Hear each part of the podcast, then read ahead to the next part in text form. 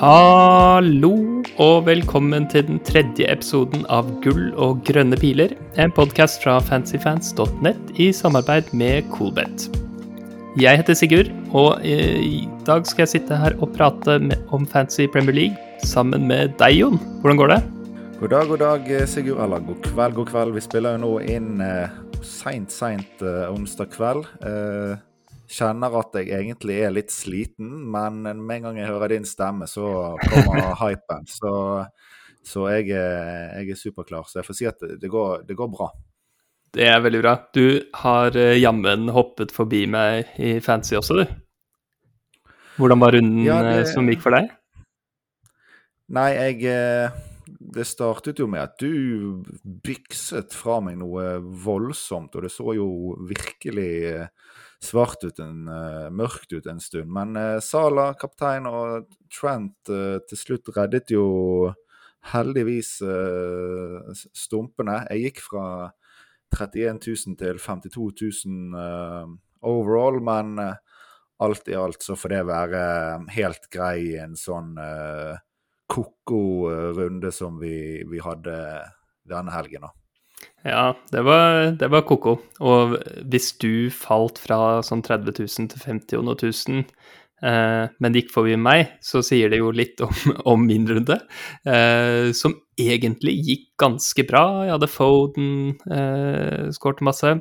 Haberts kaptein var kjip, men, men jeg hadde nok, nok, poeng ellers i, i laget. Eh, men så kom jo Liverpool-kampen, og Trent første benk, eh, ikke Salah kaptein, og det, det, gjorde fryktelig vondt. Så jeg falt fra 12 000 til 65 eh, 000.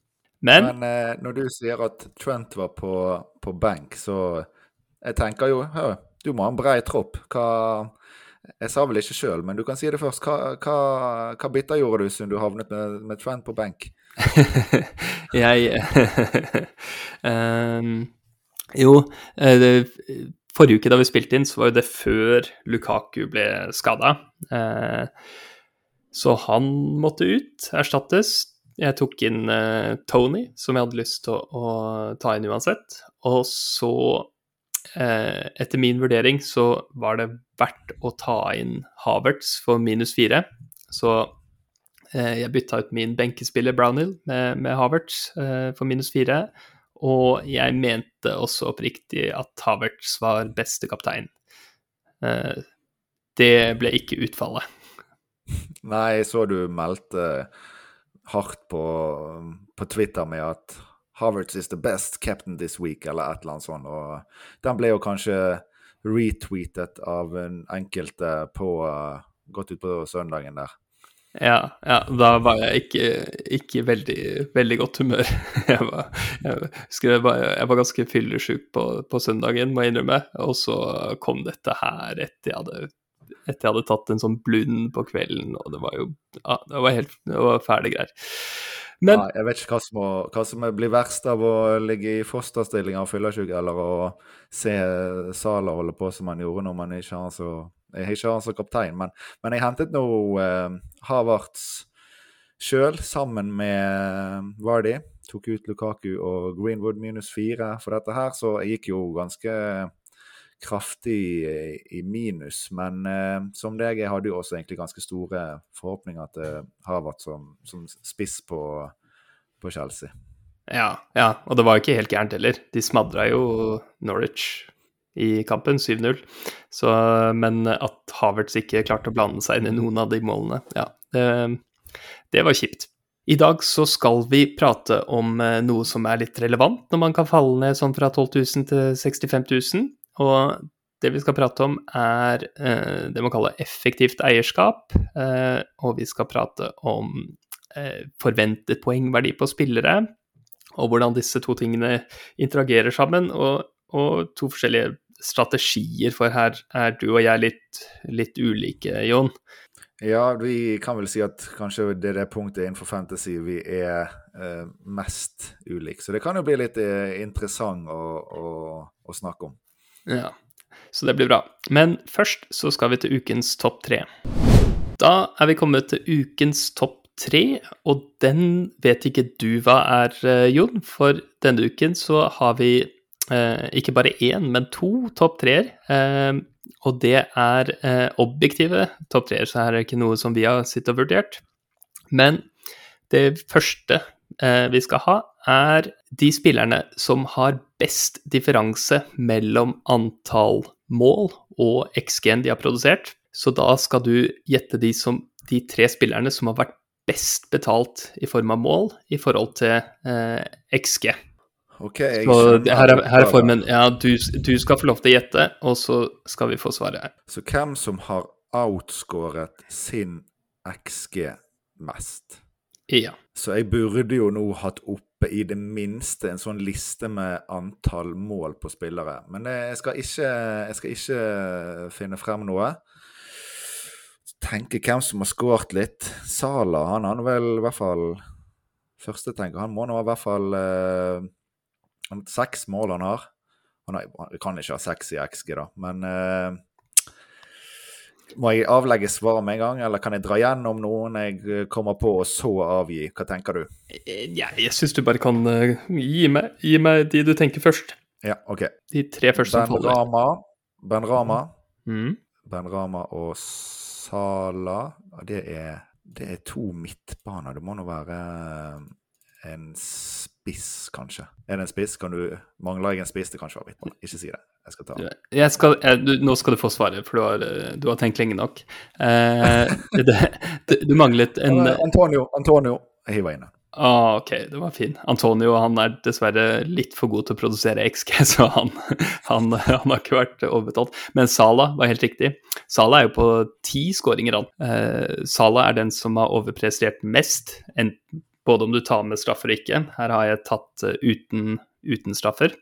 Eh, og han har skåra ti mål, eh, altså ni uten straffer. Og han har da skåret Altså han har 3,7 flere mål enn han har XG. På er andreplass Ja, nei, jeg må bare si det er jo nesten flaut at jeg sa seks mål. Men det kanskje, kanskje han har seks mål de siste fire. Vi sier det. Men greit, videre. Eh, På andreplass eh, er det en artig en, for der har vi eh, en forsvarsspiller. Eh, ja, Wingbeck, Ben Chilwell. Han har skåra tre mål fra 0,6 XG. Så han er altså pluss 2,4. Stor, stor overprestasjon på Chili. Imponerende på så få minutter å komme Ja. på listen der, da. Ja, ja, det må man si. Tredjeplass har vi en spiss som du ikke nevnte, og det er uh, Jamie Vardy. Uh, pluss 2,2. Så han uh, Ja, han har skåra syv, syv mål, da, fra hva blir det, 4,8 eh, XG. Og det Ok, er i motsetning til fjoråret, hvor han underpresterte sin XG. Um, Men én av tre er jo ikke all verden. Nei, nei, det syns jeg, jeg synes det var bra. Det er mange spillere i ligaen. Så skal vi ta kjapt eh, de tre som har underprestert X-Gen sin eh, mest også? Er, er det altså neste topp tre det du skal ha fra meg? Ja, hvis du har lyst til å gjette på den. Gi meg, en, gi meg én spiller som er på den lista, da. Det må bli MBUMO. Jeg bare sier Ja det at det det, det er veldig bra. Uh, Mbumo er der. Han uh, Disse tre er, har ca. like mye. Han er på andreplass her på lista mi. Han eh, har produsert fire XG, men kun skåret to mål. Eh, de to andre spillerne er på førsteplass uh, Nicolas PP, eh, som har skåret eh, null mål fra 2,1 XG, og eh, Patrick Bamford, som har skåret ett mål fra 3 XG, så han har også eh, minus to på denne. Det, jeg jeg, jeg syns det er gøy å se på disse tallene her, for det er ofte, eh, hvis man tror som meg, at XG er mer prediktivt for framtidige mål enn det eh, fortidige mål er, eh, så eh, er dette er, eh, fine lister å se på hvis du vil se på spillere som er antageligvis litt undervurdert eh, av feltet. Det er ikke mange som har snakket om PP og Bamford. Folk har begynt å plukke opp på MBUMO. Og så er det i motsatt ende sånn spiller som eh, Chilwell, som han kommer ikke til å skåre eh, ett mål per kamp, ikke sant. Han, han skårer kanskje hver femte kamp eller noe sånt. Noe i den duren. Ja. Nei, men eh, Ja, ja. Jeg tar med meg dette her, og dette må vi få en revansj eh, i en annen episode, eller så kanskje at det er du som skal få prøve deg neste gang. Det er bra. Skal vi gå videre til hovedtemaet? Yes, kjør på. Da har vi kommet til hoveddelen hvor vi skal prate litt om eh, to ulike tilnærminger man kan ha til, til spillet. Det finnes selvfølgelig flere, men, men i hvert fall min og din eh, tilnærming til eierskap i, i FPL. Ehm, og for å gjøre det, så tenkte vi først å gå litt sånn, gå litt sånn grundig til verks her. Og, og, snakke litt om hva effektivt eierskap er, og hva eh, forventet verdi er for noe. Eh, kan, ikke du, kan, ikke du, si noe om hva er, hva er egentlig effektivt eierskap, eh, Jon? Jo, det kan jeg jo. Eierskap er jo selvfølgelig da eh, hvem som eier, eller hvor mange som eier en, en viss eh, spiller. Og, og, for ditt eget lag så eier du da 100% av de spillerne du har på laget. Den du setter kapteinspinnet på en runde, vil da få 200 eierskap, siden han eh, dobler eh, poengsummen sin. Eh, så da er det en effektivt eierskap på kapteinen din på 200 eh, Sett dette opp mot eh, spillet, da. Så er det jo eierskap av hvert enkelt spiller over hele spillet, samt da pluss kaptein. Et eksempel er jo denne runden. Så hadde i topp 10 000 overall hadde Sala et, et eierskap på 99,8% altså nesten 100 mens han hadde et effektivt eierskap på 170% Så det vil jo da si mm. at i topp 10 000 så var det rett over 70% som også kapteinet Sala. Mm. Eh, for de som da har altså kaptein, vil de da få 30 av uh, Sala sine poeng mer enn feltet man konkurrerer med. Og så kan man se på feltet som alle som spiller spiller. Du kan se på det feltet som uh, topp 10 K, altså topp 10 000, som ofte mange samlinger med. Du kan se det på de som ligger på ca. samme rank som deg. Så hvis du ligger på 1 million plass, så kan du sjekke det effektive eierskapet på de som ligger rundt 1 million. Eller du kan finne det opp mot eh, miniligaer eh, du er med i. Ja, ikke sant. Så, så, jeg, som grunnen til at Sala svei så mye for meg, selv om jeg eide ham i, i forrige runde, det var at jeg hadde jo kun 100% eierskapet hans, mens feltet hadde 170% Det betyr at 70% av Salas poeng eh, virket sånn effektivt mot meg i runden som var. Og siden han bøtta inn mål og fikk en assist på toppen der, så fikk han jo 24 poeng. Og da er det akkurat som at feltet tok 16,8 poeng på meg, eh, siden det er 70% av de 24 som teller mot meg. Og det Ouch. Ja, det svir. Men altså eh, Når vi snakker om liksom, skal man ta stilling til, til, eierskap når man tar beslutninger i fantasy, så er det jo ingen som mener at man kun skal se på eierskap og kun kjøpe deretter. I hvert fall har jeg ikke møtt på noen som, som mener det. Og da, da, må man jo ha en motsats, og den eh, motsatsen er selvfølgelig hva du forventer at spillerne skal score i poeng. Og for de av oss som er glad i å formalisere eh, sånne her ting, og, og, på en måte prøve å tallfeste ting, så er det veldig vanlig å snakke om eh, forventet verdi, eller på engelsk expected value, ofte forkorta til eh, EV. Og det er altså egentlig et sånt, et sånt grunnbegrep fra, fra, spillteori og beslutningsteori. Og det er kanskje greit å ha et, sånt, ha et eksempel som ikke er fra eh, fancy, for å, for å, illustrere hva det dreier seg om. Men en, en sånn definisjon til å begynne med er at eh, den forventede verdien av en beslutning er Hold deg fast. Eh, den eh, sannsynlighets sannsynlighetsvektede gjennomsnittet av verdien til utfallene. Du skjønte det, Jo? Ja, det gikk litt dypt. Jeg, tenker kanskje vi må, vi må tilbake til FPL-verdenen her. Ja, ja, ja, ok. Nei, men jeg skal, jeg skal ta et enkelt, enkelt eksempel for å, for å, illustrere det. Eh, si at jeg gir deg valget om å, om å kaste en mynt, eh, og hvis den kommer opp på den sida du sier, så eh, får du 100 kroner. Og hvis den kommer opp på motsatt side, så taper du, eller må gi fra deg 100 kroner. Så er det jo 50% sannsynlighet for eh, at den skal lande på hver av sidene. Derfor har du egentlig ingen grunn til å kaste den mynten, fordi den forventede verdien er null.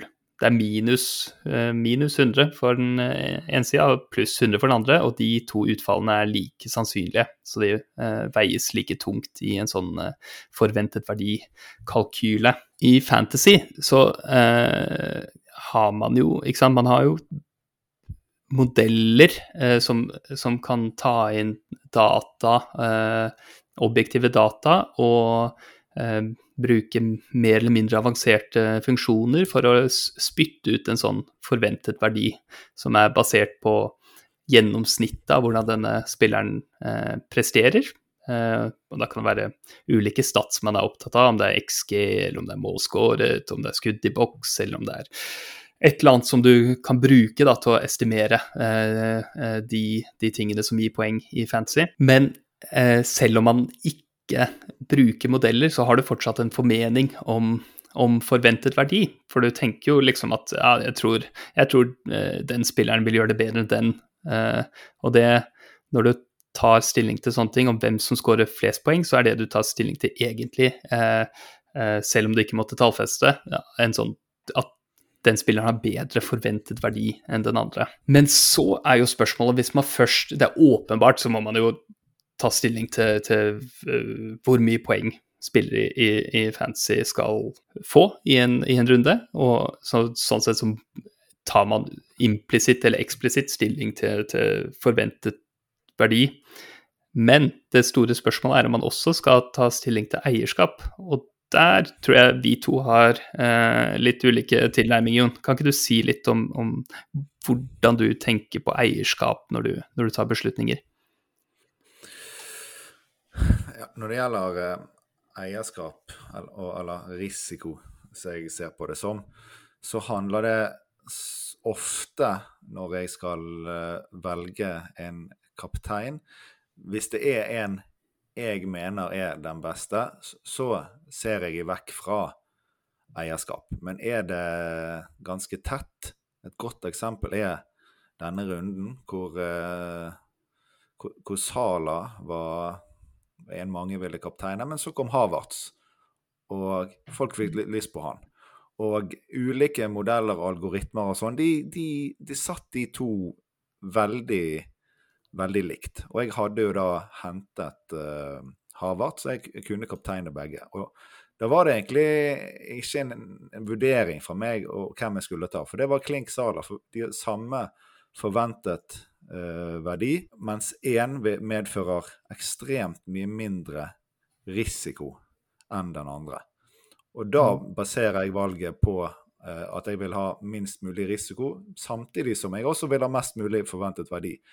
Men å finne en kombinasjon eh, over de to føler jeg for meg er det en sånn nøkkel til å prestere bra over tid. Mens hvis man ser vekk fra risikoaspektet, så kan man ha, få en kjempegod periode eller sesong. Men det kan òg gå rett til helvete hvis man er eh, mer uheldig. Mens med, hvis man tar mer risiko, så skal det veldig mye mer til at ting går skikkelig skeis. Mm, mm.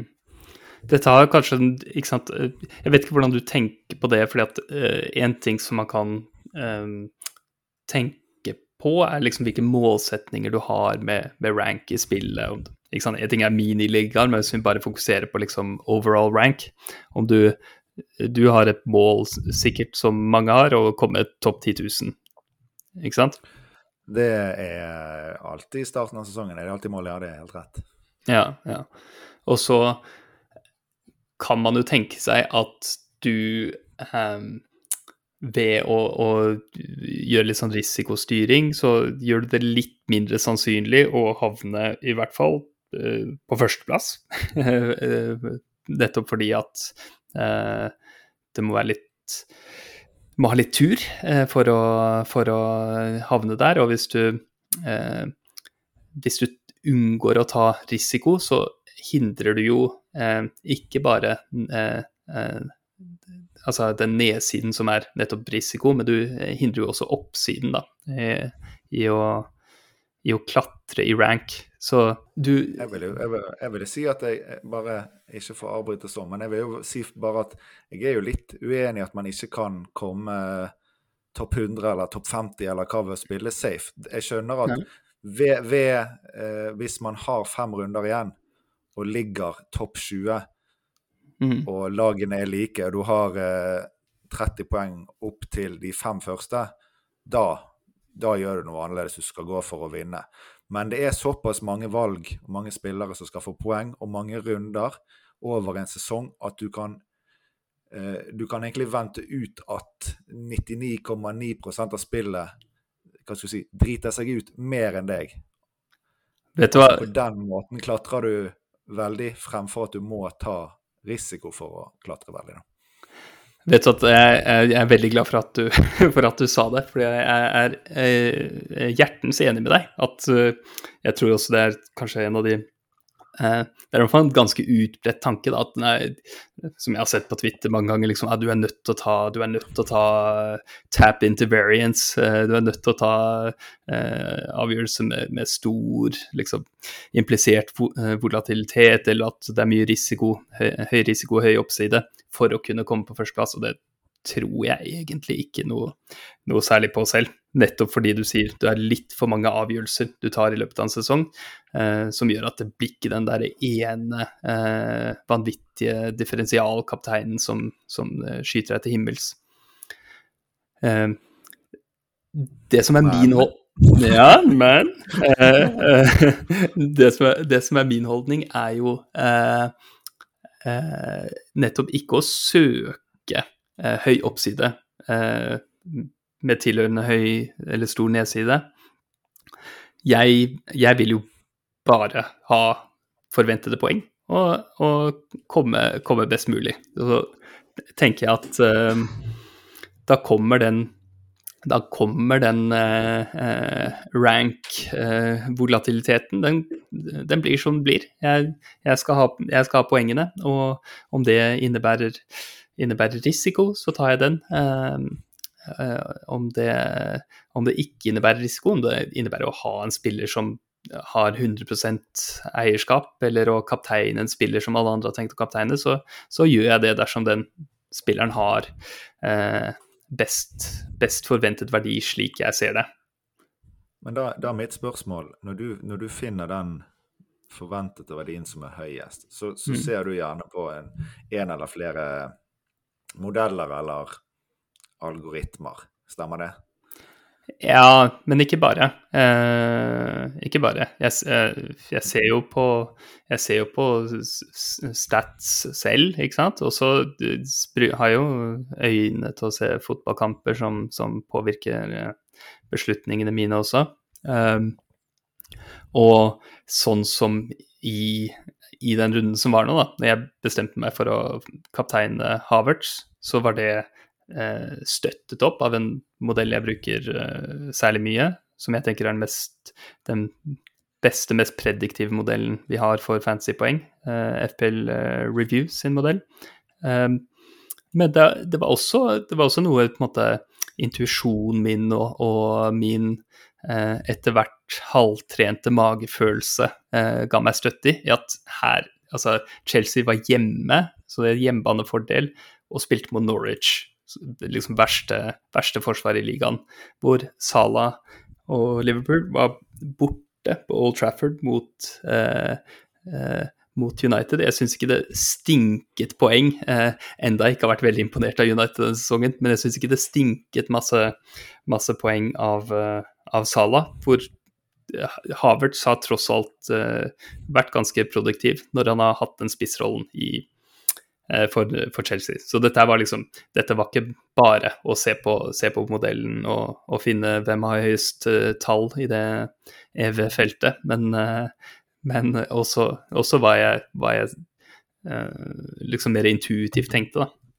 Ja, nei, for det, det, er mange, det, er det er flott at du sier det, for det er kanskje mange av de som følger deg på Twitter eller kjenner deg sånn bitte litt, som tror at du gjerne er litt mer slavisk på eh, modeller og algoritmer og sånn. Men, men, poenget mitt er jo de som følger de eh, modellene mer slavisk. De, de vil jo på en måte måtte si at eh, disse modellene er det nærmeste man kommer en, eh, en, fasit, og at man ikke trenger noe særlig input fra en menneskelig eh, hjerne for å spille mest mulig optimalt i Fantasy. Og det, og det er der det, disse modellene det skurrer for meg. Jeg så f.eks. en del modeller det, Da er det jo riktignok noen mennesker bak, men setter uh, minuttene til uh, Havertz på, opp på 82 minutter.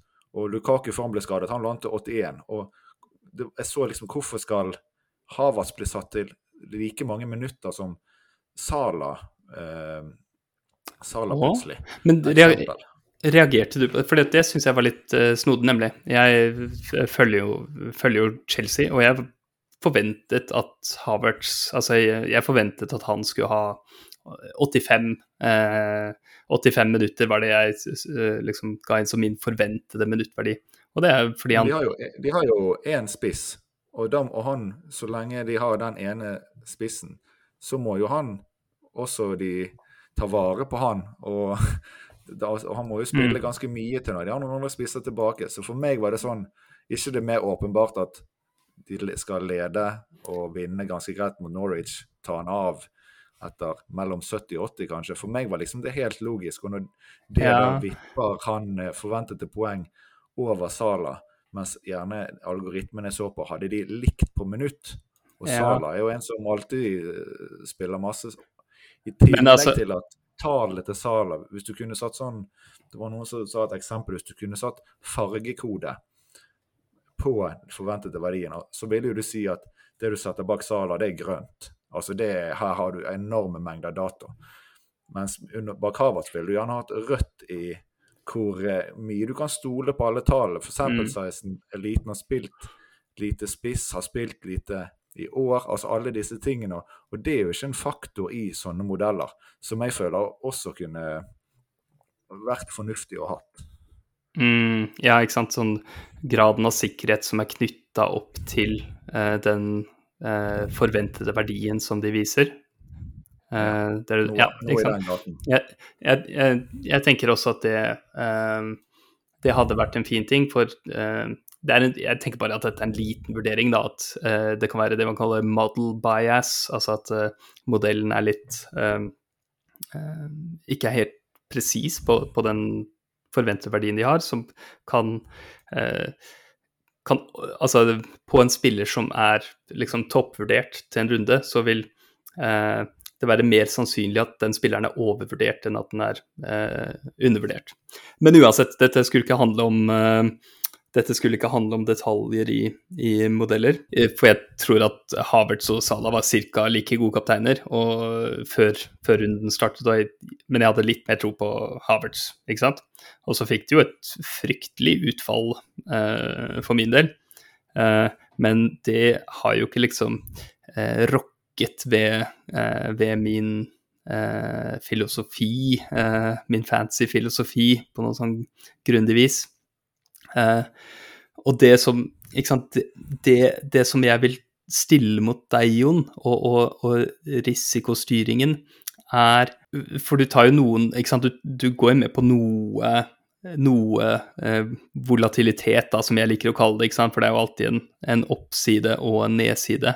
Det, det er ikke kanskje er liksom Altså, hvor mye eh, Hvor mye skal du vekte det, hvis du tror at en, en spiller er bedre? Eh, eller er dette bare sånn at når du tenker liksom innen deg at her er det 50-50, så går det for den avgjørelsen som er eh, Altså har minst, minst risiko, og dermed også minst oppside? Jeg, eh, jeg, jeg tenker på dette hovedsakelig når det er tette valg. Ja, så har jeg en formening om at denne spilleren vil gjøre det bedre, og han har 3% eierskap, mens den, den andre jeg vurderer, har 50% eierskap, så vil jeg ta den med tre.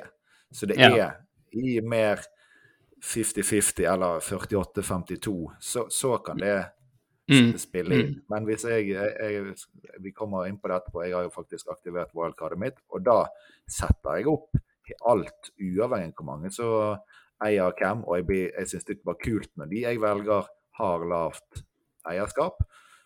Og, eh, men hvis det er noen som har høyt eierskap, så går jeg en runde spesifikt på de og tenker OK, er det dette en jeg vil ha? Er dette i så fall en som kan konkurrere med en av de jeg allerede har valgt i laget? Og så, hvis de er 50-50, sånn, så kan det spille inn. Men i det store og det hele så er det med tette avgjørelser. Ja, nettopp. Så da er vi Altså, altså vi er enige om, om det her at uh, alfa og omega er liksom å, å, ta stilling til hvor mye poeng spiller for, og så uh, for deg, så, så, når det er ganske jevnt oppi uh, i, i, din vurdering, så, så, lar du eierskap være en slags tiebreaker. Uh, der hvor jeg uh, tar, den, tar, den, risikoen jeg får uansett, det, og bare prøver å mer avgjøre i detalj hvem er det som er best her. Ikke sant? Ja, og, da, og da mener jo jeg at vi vil allikevel ha like stor sjanse på å si havne på plass 100 i verden, mm. Mm. men jeg vil ha Men du vil ha mye større sjanse for å si havne utenfor topp 50 000. Da. Det, er det, det, er det jeg tenker om det. Ja, nettopp. Ja. Det, det tror jo ikke jeg egentlig, at jeg har eh, en større fare for å havne utenfor der. For det er jo også Må vi jo liksom tenke at etter hvert som det blir flere spillere det spiller, da er jo topp 50 000 er jo ikke så, så verst heller. Eh, det er jo en ålreit plassering. Du kunne sagt om det var 20 000 eller 100 000, da. men poenget er i hvert fall at mm. jeg vil i snitt over fem sesonger ha en lavere snitt overall enn deg, på måten vi ser på dette med risiko. Det er det jeg tenker. Ja, ja nettopp. Ja. Ok, ja, det kan godt hende at, det kan godt hende at snittet vil være lavere. Jeg, eh, for det kunne jeg også kjøpt liksom på eh, litt sånn tekniske, tekniske begrunnelser med, med hvordan eh, poengene er distribuert med, med ranks, men jeg tror jo at medianen, for, å ta den, så tror jeg at jeg vil ha bedre liksom, median med denne filosofien enn om jeg bytter eierskapsfilosofi. Det tror jeg. For jeg, med, med enhver nedside så finnes det en oppside. Så her har vi, her har vi to ulike tilnærminger. Eh, og jeg tror ikke Vi kommer ikke til å bli enige om dette her, eh, nøyaktig hvordan vi skal eh, spille spillet. Men men det, men det, er jo spennende hvis det er noen av våre lyttere som har noen tanker rundt dette, eller hvis vil si noe om om de støtter veldig den ene eller andre veien, så er det jo bare hyggelig om, om man skriker ut om det, altså. Ja, det syns jeg også. La oss gå videre. Da har vi ukens clean sheet odds fra Coolbet. De som har eh, lavest odds og dermed best sannsynlighet for eh, clean sheet denne gameweeken, eh, der har vi Manchester City, har 1,74. Andreplass Chelsea 1,96. Liverpool 2,01. Wolves 2,59. Så følger det to lag på femte. Det er Leeds og Burnley med 3,10. Og på delt sjuende så har vi Southampton og Brentford på 3,2. Så her er det fryktelig god sannsynlighet for uh, clean sheet for uh, City, Chelsea og Liverpool, uh, som mange av oss eier. Og det er jo ikke dumt. Nei, altså nå etter hvert begynner jo folk å ha kanskje i hvert fall én av hver av uh, City, Chelsea og Liverpool i forsvar. Og det, det ser ut som det er bare å stå med fremover. Du nevnte Southampton òg på 3-20, og Livramento begynner jo, han begynte å putte litt òg, så han er i hvert fall fin å ha først på benk, om ikke du Han òg er helt grei å, å, spille. Ja, ja, ja. Livramento kan man fint spille med den, den oddsen der, tenker jeg. Uh, men ikke ikke et must på laget å starte. Men du Jon, du er jo på wildcard. Vi ikke, kan vi ikke få høre litt om det? Jo, hvorfor ikke? Vi kan jo dra igjennom det. Kanskje jeg skal ta utgangspunkt i et uh, draft jeg har. Det er jo ikke spikret i det hele tatt, men sånn at du vet litt uh, hva det går i. Da har jeg satt Sanchez og Foster i mål. Har uh, Trent, Cancelo, Chilwell, Livramento og White i forsvar. Uh, White kanskje skadet, kanskje syk, who knows? Det får vi bare se. På midten Salah, Foden, Son, Mount, Rafinha. Vi får se an, om vi får noe informasjon om uh, Rafinha-skaden der. På topp Antonio, Tony og Broja. Uh, så, så, dette er jo en uh, utgangspunktet en 3-5-2. Det er mm. som sagt ikke spikret. Så før du kommenterer, så kan jeg jo nevne at de som eh, også er, er, med å kjempe her, eh, vil jo være i hvert fall Mbumo. Mm. Hvis han er frisk, så er jeg ganske sikker på at han havner i laget. Og kanskje kan trekke frem Ienacho, som er veldig spennende. Uh, har spilt nå med med Vardi. Hvis Vardi er ute, så spiller han i hvert fall. Men selv om Vardi skulle være fit, så, så har han jo gjort det bra. Men litt sånn uh, med Daka, han lusker baki der, og Barnes han puttet jo nå i, i cupen og litt sånn. Men han, han, han frister uh, veldig. Men ja, vi må se an et par av disse skadesituasjonene. Ja, det kan jeg skjønne, for ellers er jo NBU må tenke jeg liksom er no-brainer pick på, på wildcard dersom han er, eh, dersom han er klar. Han hadde en lett hamstringskade. Nå vet jeg ikke helt hva det betyr. Uh, Nei, jeg du... syns jo hamstring høres ut som uh, Nå ryker noen uker, men uh, det er imponerende hvis man kan få en liten hammy-strain og være fit på en uke. Men mm. det, det er jo lov å håpe. Kanskje bare kilte litt? Bare kilte litt der i, i hammen? En liten kiling, ja. For da, da, er det jo Da har du han over, over Mount, eller? Hvis du da skal blir det. Han, da blir det nok han over Mount, eventuelt for Rafinha hvis Rafinha er skadet. Og mm.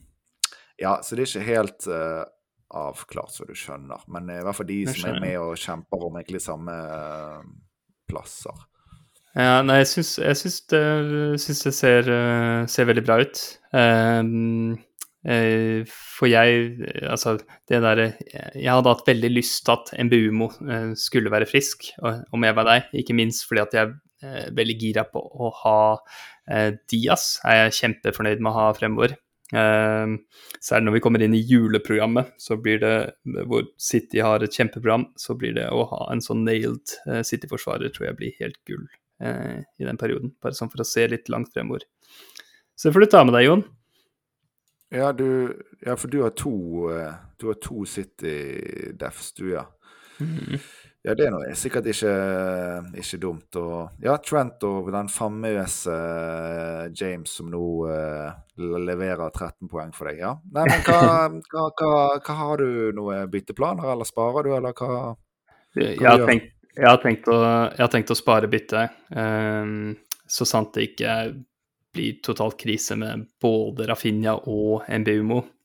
Men eh, enn så lenge så tror jeg at én av dem spiller, og eh, i øyeblikket så ser laget mitt helt topp ut. Eh, og, og, såpass bra at jeg har Mbumo på første benk, Adam Armstrong på andre benk og White på tredje benk. Så Norges, Norges bredeste benk, høres det ut som. Det er Norges bredeste benk. Det er her spiller vi altså breddefotball inne i Fancy Premier League. Det er ikke verst. Må ha det. Noen må gjøre det også.